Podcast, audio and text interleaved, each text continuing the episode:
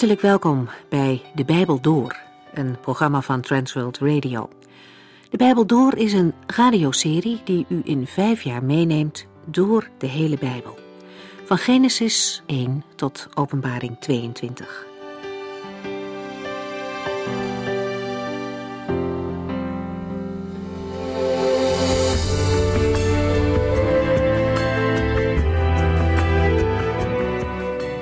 Mocht u contact met ons willen opnemen of een aflevering nog een keer horen, kijkt u dan op onze website transworldradio.nl. We lezen vandaag het laatste hoofdstuk van de eerste brief die Paulus aan de gemeente in Korinthe schreef. Er zijn al een heleboel moeilijke onderwerpen voorbijgekomen, maar dwars daardoorheen zagen we Gods geweldige genade en geduld om een gemeente niet af te schrijven, maar op het goede pad verder te helpen. En het mooie is, dat geldt ook voor mensen, toen en nu nog steeds. Paulus is als een vader voor deze gelovigen. Hij wijst hen op hun fouten, daar komen ze niet zomaar mee weg, maar hij doet dat niet minachtend of uit de hoogte. Uit deze brief blijkt ook het oprechte verlangen van Paulus dat deze gemeente heilig zou leven voor God, midden in een stad vol met afgoderij en moreel verval. Juist op die plaats kan de gemeente God eren Licht schijnt immers vooral helder in een donkere omgeving. De laatste keren hebben we in hoofdstuk 15 ook nagedacht over de geweldige hoop die je als een christen mag hebben. Er is leven na de dood. God is machtig om doden op te wekken. Dat is de kernwaarheid van het christendom. En om die reden is ook alles wat we in dit leven doen voor God niet voor niets. De vorige keer besloten we met het bemoedigende vers om stevig te staan en steeds bezig te blijven voor de Heer. Want alles wat voor Hem gedaan wordt, houdt zijn waarde. Het is niet voor niets. En dat mag u ook vandaag weer meenemen. Hoe klein en onbetekenend het in uw eigen ogen soms kan lijken. Wat u uit liefde voor Jezus doet, dat houdt zijn waarde. Laten we nu naar het laatste hoofdstuk van 1 Corinthiërs gaan.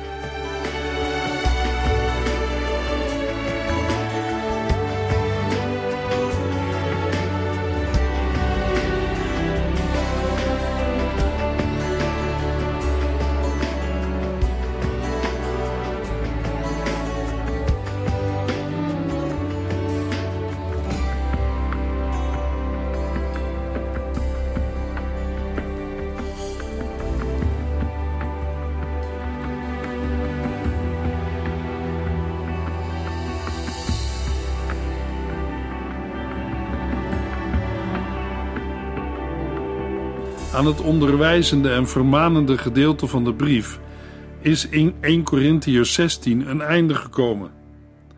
Er restte Paulus alleen nog een paar mededelingen, waaronder die over de inzameling voor de armen onder de gelovigen van Jeruzalem. 1 Corinthiërs 16 vers 1 Volg voor de collecte voor de arme gelovigen de richtlijnen die ik de gemeenten van Galatië heb gegeven. Het begin van vers 1 wijst erop dat Paulus hier reageert op een schriftelijke vraag van de Corinthiërs. Van het feit dat de inzameling wordt gehouden, moeten zij al eerder op de hoogte zijn gebracht. In 1 Corinthiërs 16 geeft Paulus antwoord op de vraag hoe deze inzameling het beste kan worden georganiseerd. De inzameling is bestemd voor de arme gelovigen. In dit verband is het een aanduiding voor de gelovigen van Jeruzalem. Het actief blijven voor de Here uit 1 Corinthians 15 vers 58 krijgt concreet handen en voeten in een collecte voor de armen in de christengemeente van Jeruzalem. Daarbij moeten we vandaag wel even een pas op de plaats maken en ons realiseren dat actief blijven voor de Here niet hetzelfde is als een keer iets in een collecte doen. Collecteren is een van de vormen waarmee anderen geholpen kunnen worden.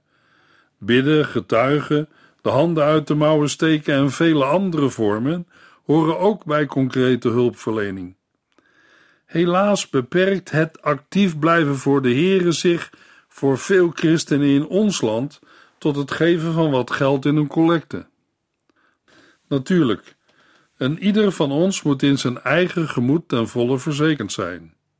over zijn of haar offer voor of bijdragen aan het werk in Gods koninkrijk, naar vermogen en afhankelijk van de mogelijkheden. Toch is het goed om daarmee niet in een sleur te komen en voor het aangezicht van de Heere daarover juiste keuzes en beslissingen te nemen. Heere, wat wilt u dat ik doen zal? Paulus geeft de gemeente van Korinthe richtlijnen. 1 Corinthiërs 16 vers 2 Die, de richtlijnen voor de collecte, komen hierop neer dat ieder van u elke zondag iets opzij moet leggen van wat hij heeft verdiend. Bewaar het tot ik bij u kom. De regeling die Paulus doorgeeft en al aan de gemeente van Galatië had gegeven, houdt in dat de gelovigen gedurende langere tijd wekelijks iets apart leggen, zodat er een aanzienlijk bedrag klaar ligt als Paulus komt. Voor de vertaling van zondag staat in de Griekse grondtekst de eerste dag van de week. Dat is de dag om iets opzij te leggen. De reden hiervoor zal zijn dat dit ook de dag is waarop de gemeente bijeenkomt, onder meer om het heilige avondmaal te vieren. Het is dan ook een goede dag om iets voor anderen te doen. In de Griekse grondtekst vinden we nog twee interessante uitdrukkingen. De eerste is: ieder moet bij zichzelf iets opzij leggen van wat hij heeft verdiend.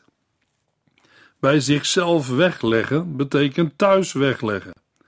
Iedere week iets sparen van wat je die week hebt verdiend.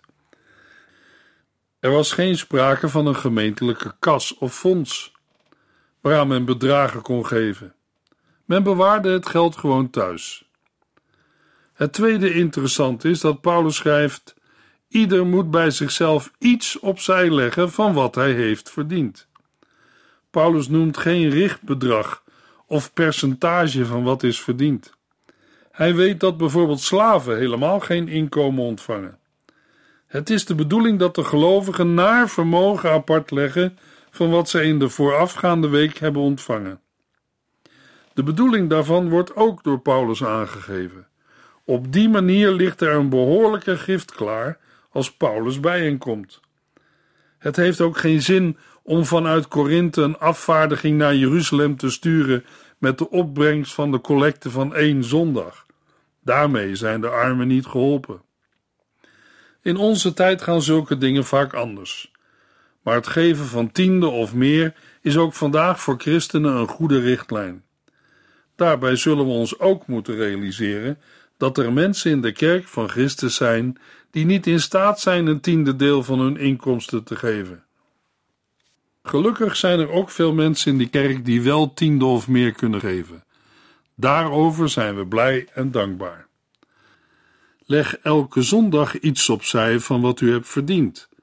Dat geeft ook een richtlijn aan met betrekking tot de regelmaat en de hoogte van het bedrag. 1 Corinthians 16, vers 3 en 4. Dan ligt het geld tenminste klaar en kan ik de mannen die u daarvoor aanwijst deze gift naar Jeruzalem laten brengen. Ik zal hun enkele aanbevelingsbrieven meegeven. Maar het kan ook zijn dat ik het de moeite waard vind zelf met hem mee te gaan. De Corinthiërs mogen zelf bepalen wie zij geschikt vinden om als afvaardiging naar Jeruzalem te gaan en de gift aan de leiders van de gemeente te overhandigen. Paulus bereikt hiermee dat iedere verdachtmaking rond het zenden van zoveel geld wordt voorkomen. Daarbij draagt deze uitzending ook bij aan de band en het contact met de niet-Joodse gemeente buiten Israël en de moedergemeente in Jeruzalem. De verbondenheid wordt versterkt en het besef van eenheid bevorderd. Paulus zelf zal de uitgekozen broeders voorzien van aanbevelingsbrieven voor de broeders in Jeruzalem. Het meegeven van aanbevelingsbrieven was heel gewoon. Voorbeelden van dergelijke brieven vinden we in Handelingen 15, Romeinen 16 en 2 Korintiërs 8. Een aantal van de vertegenwoordigers uit de verschillende christengemeenten die aan de inzameling bijdroegen, worden in Handelingen 20 vers 4 genoemd. We vinden daarbij geen vertegenwoordiger van Korinthe. Misschien werd deze verantwoordelijkheid door een van de anderen waargenomen, zoals aangegeven in 2 Korintiërs 8. Paulus geeft de beste weg aan hoe er met de giften moet worden omgegaan en hoe ze moeten worden afgedragen. Twijfelt hij aan de eerlijkheid van zijn medebroeders en zusters? Helemaal niet. En zeker niet als ze door de hele gemeente zijn gekozen als afgevaardigden. Paulus gebruikt een zakelijke aanpak, opdat de boze geen kans zal krijgen om onrust en oneenigheid te zaaien.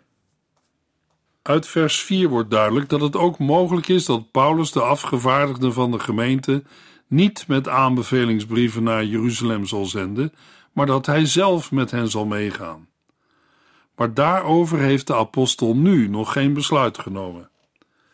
In Romeinen 15, vers 25 hebben we gelezen dat Paulus aan de gemeente van Rome schrijft: Ik ben nu onderweg naar Jeruzalem om de gelovigen daar geld te brengen. Daaruit blijkt dat de apostel uiteindelijk heeft besloten zelf mee te reizen naar Jeruzalem. 1 Corinthiërs 16, vers 5 en 6.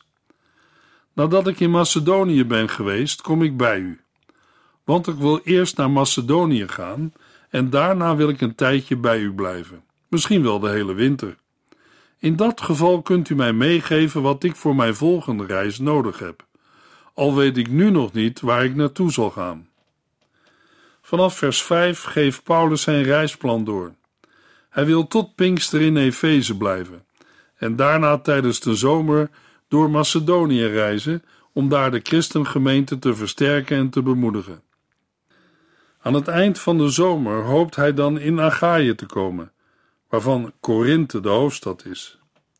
Het reizen door Macedonië zal pas later plaatsvinden, omdat de apostel zich op het moment van schrijven nog in Efeze bevindt.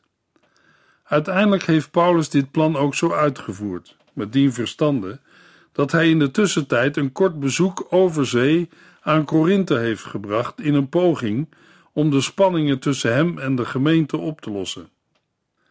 Het moet bijna als vanzelfsprekend worden beschouwd dat er tussen de apostel Paulus en de door hem gestichte gemeenten een levendige briefwisseling heeft bestaan en dat er regelmatig door medewerkers van de apostel en afgevaardigden van de gemeente heen en weer is gereisd.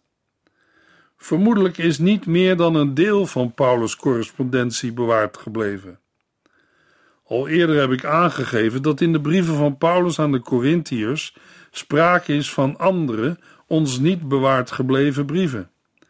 Daarnaast ook van een brief die vanuit de gemeente van Korinthe naar de apostel is verstuurd omdat de benamingen eerste en tweede brief aan de Corinthiërs suggereren dat er niet meer dan twee brieven van Paulus aan de Corinthiërs hebben bestaan en dat de eerste brief het begin vormt van de correspondentie, wil ik de brieven aanduiden met de letters A, B, C en D. Daarbij moet wel gezegd worden dat het niet onmogelijk is dat Paulus nog meer brieven aan de Corinthiërs heeft geschreven, die niet bewaard zijn gebleven en waarvan bovendien geen melding wordt gemaakt in de twee brieven die ons in de Bijbel zijn overgeleverd. Volgens Handelingen 18, vers 11 verbleef Paulus tijdens zijn tweede zendingsreis één jaar en zes maanden in Korinthe. Na zijn aankomst woonde hij bij het Joodse echtpaar Aquila en Priscilla en voorzag in zijn eigen levensonderhoud als tentenmaker. In de eerste weken bleef zijn werk beperkt tot bespreking in de synagoge. Op de sabbat zette Paulus zich in om in de synagoge zowel Joodse als Griekse toehoorders te overtuigen van de waarheid van Jezus Christus.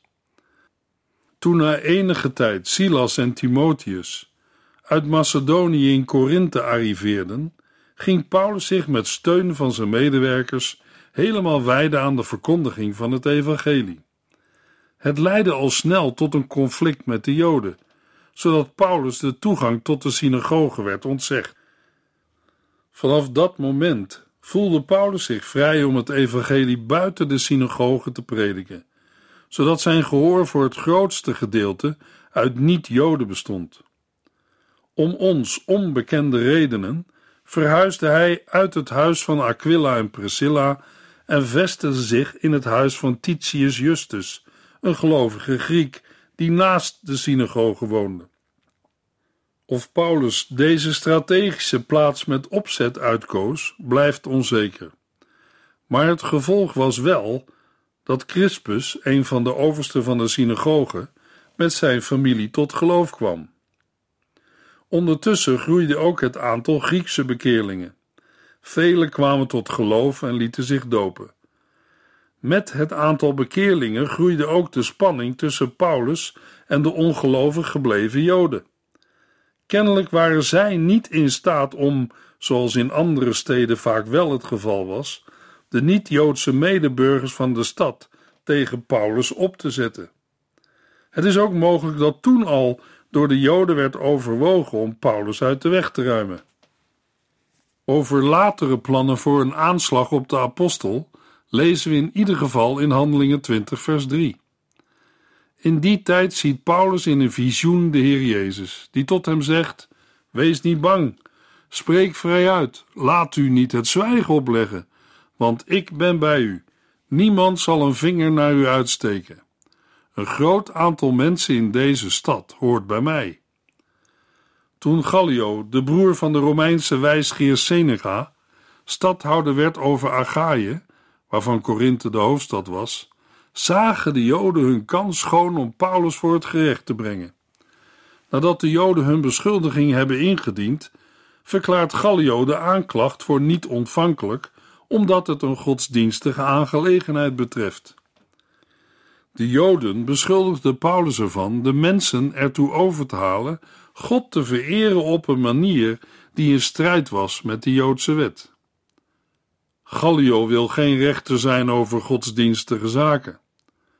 De Joden hadden van de Romeinen toestemming gekregen om hun geschillen op het gebied van godsdienst en wet zelf te berechten.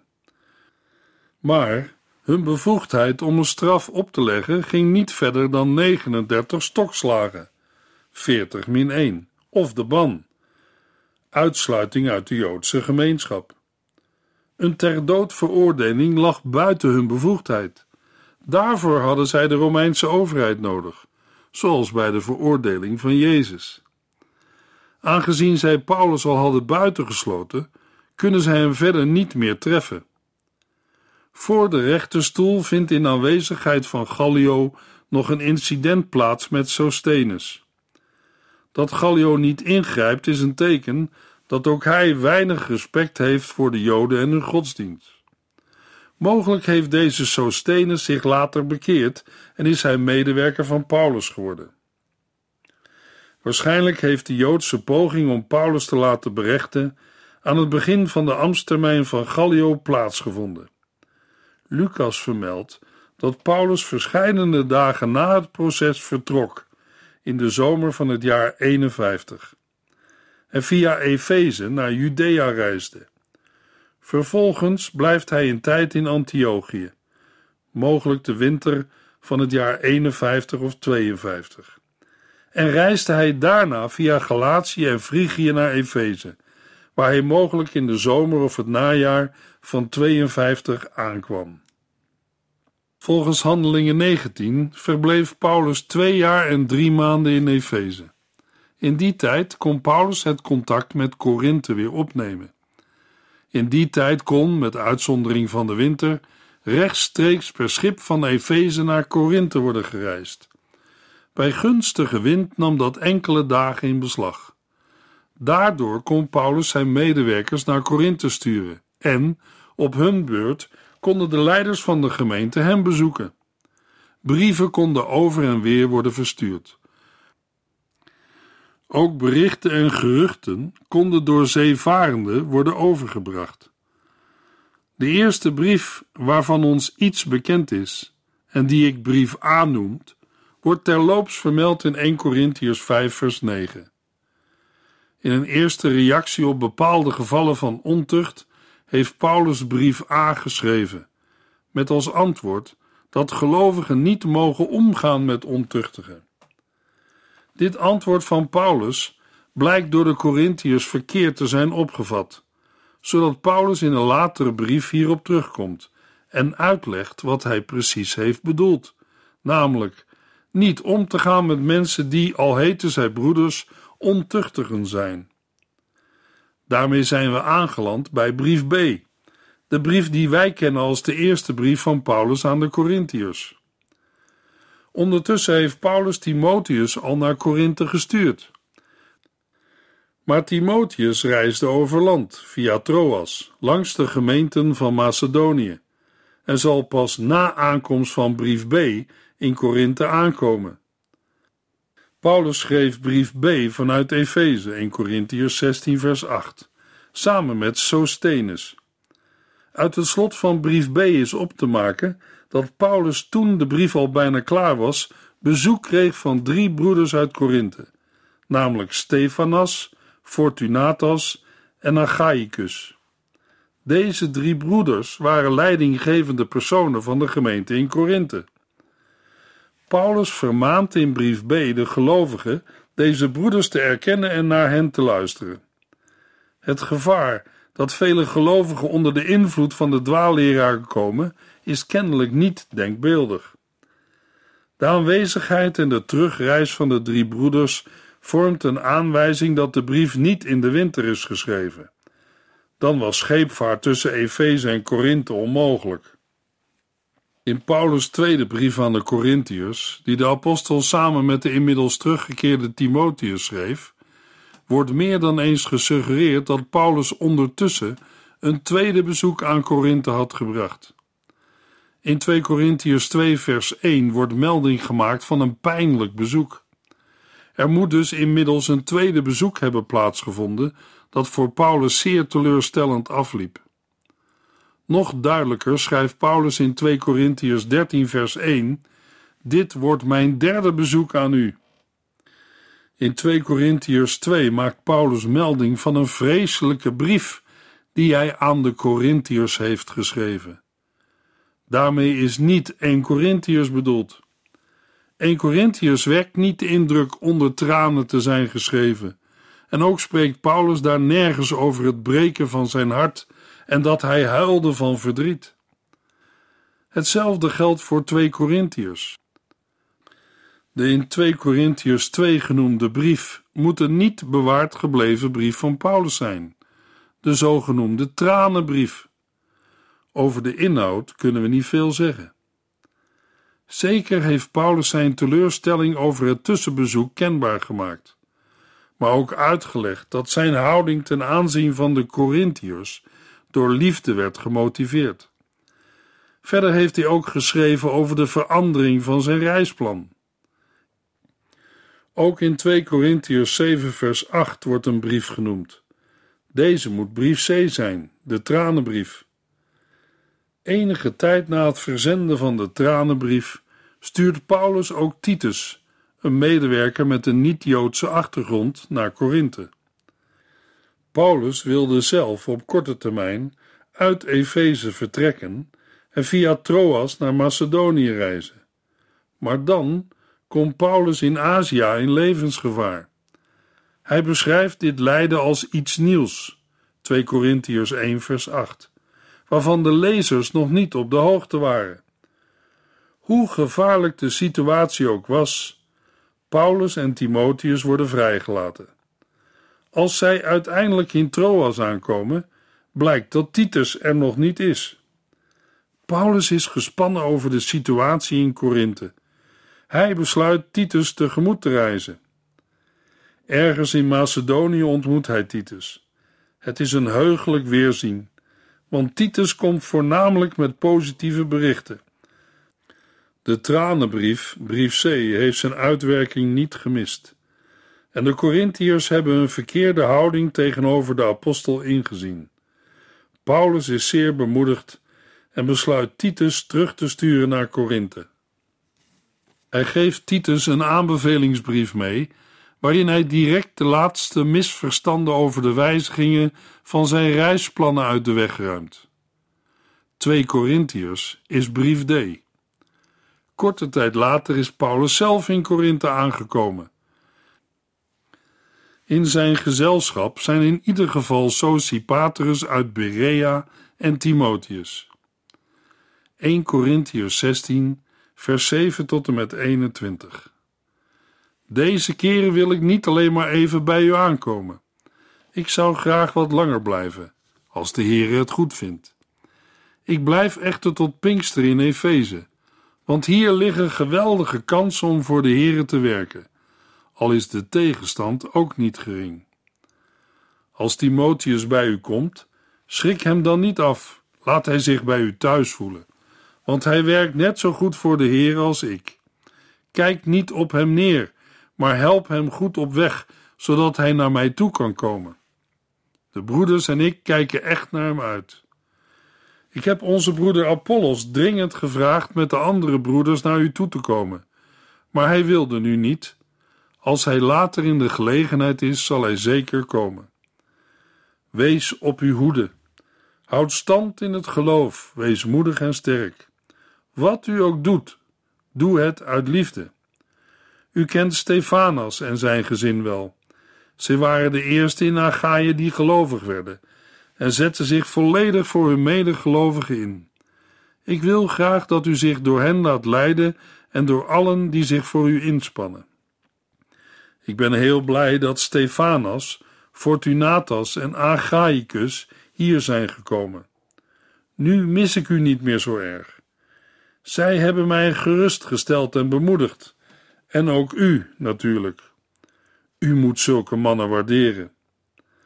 Alle gemeenten in Azië groeten u, ook van Aquila en Prisca, en de gemeente die in hun huis samenkomt, wil ik de hartelijke groeten overbrengen.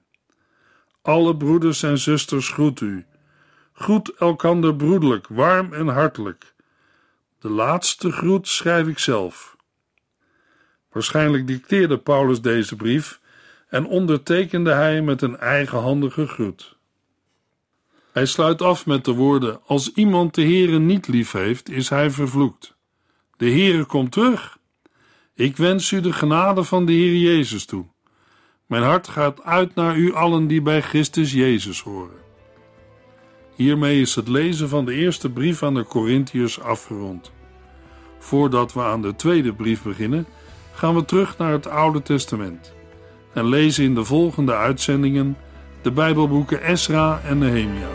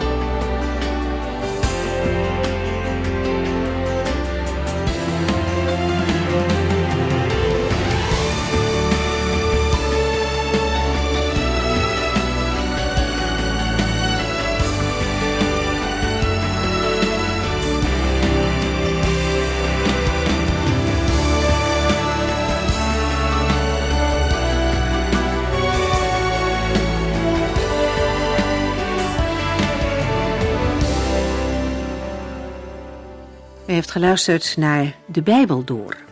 In het Nederlands vertaald en bewerkt door Transworld Radio. Een programma waarin we in vijf jaar tijd de hele Bijbel doorgaan. Als u wilt reageren op deze uitzending of u heeft vragen, dan kunt u contact met ons opnemen. Tijdens kantooruren kunt u bellen op 0342 47 8432. 0342 47 8432. 32. Ook kunt u een e-mail sturen naar de Bijbel door transworldradio.nl en natuurlijk kunt u ook via de post ons bereiken. TWR, postbus 371, postcode 3770, AJ in Barneveld.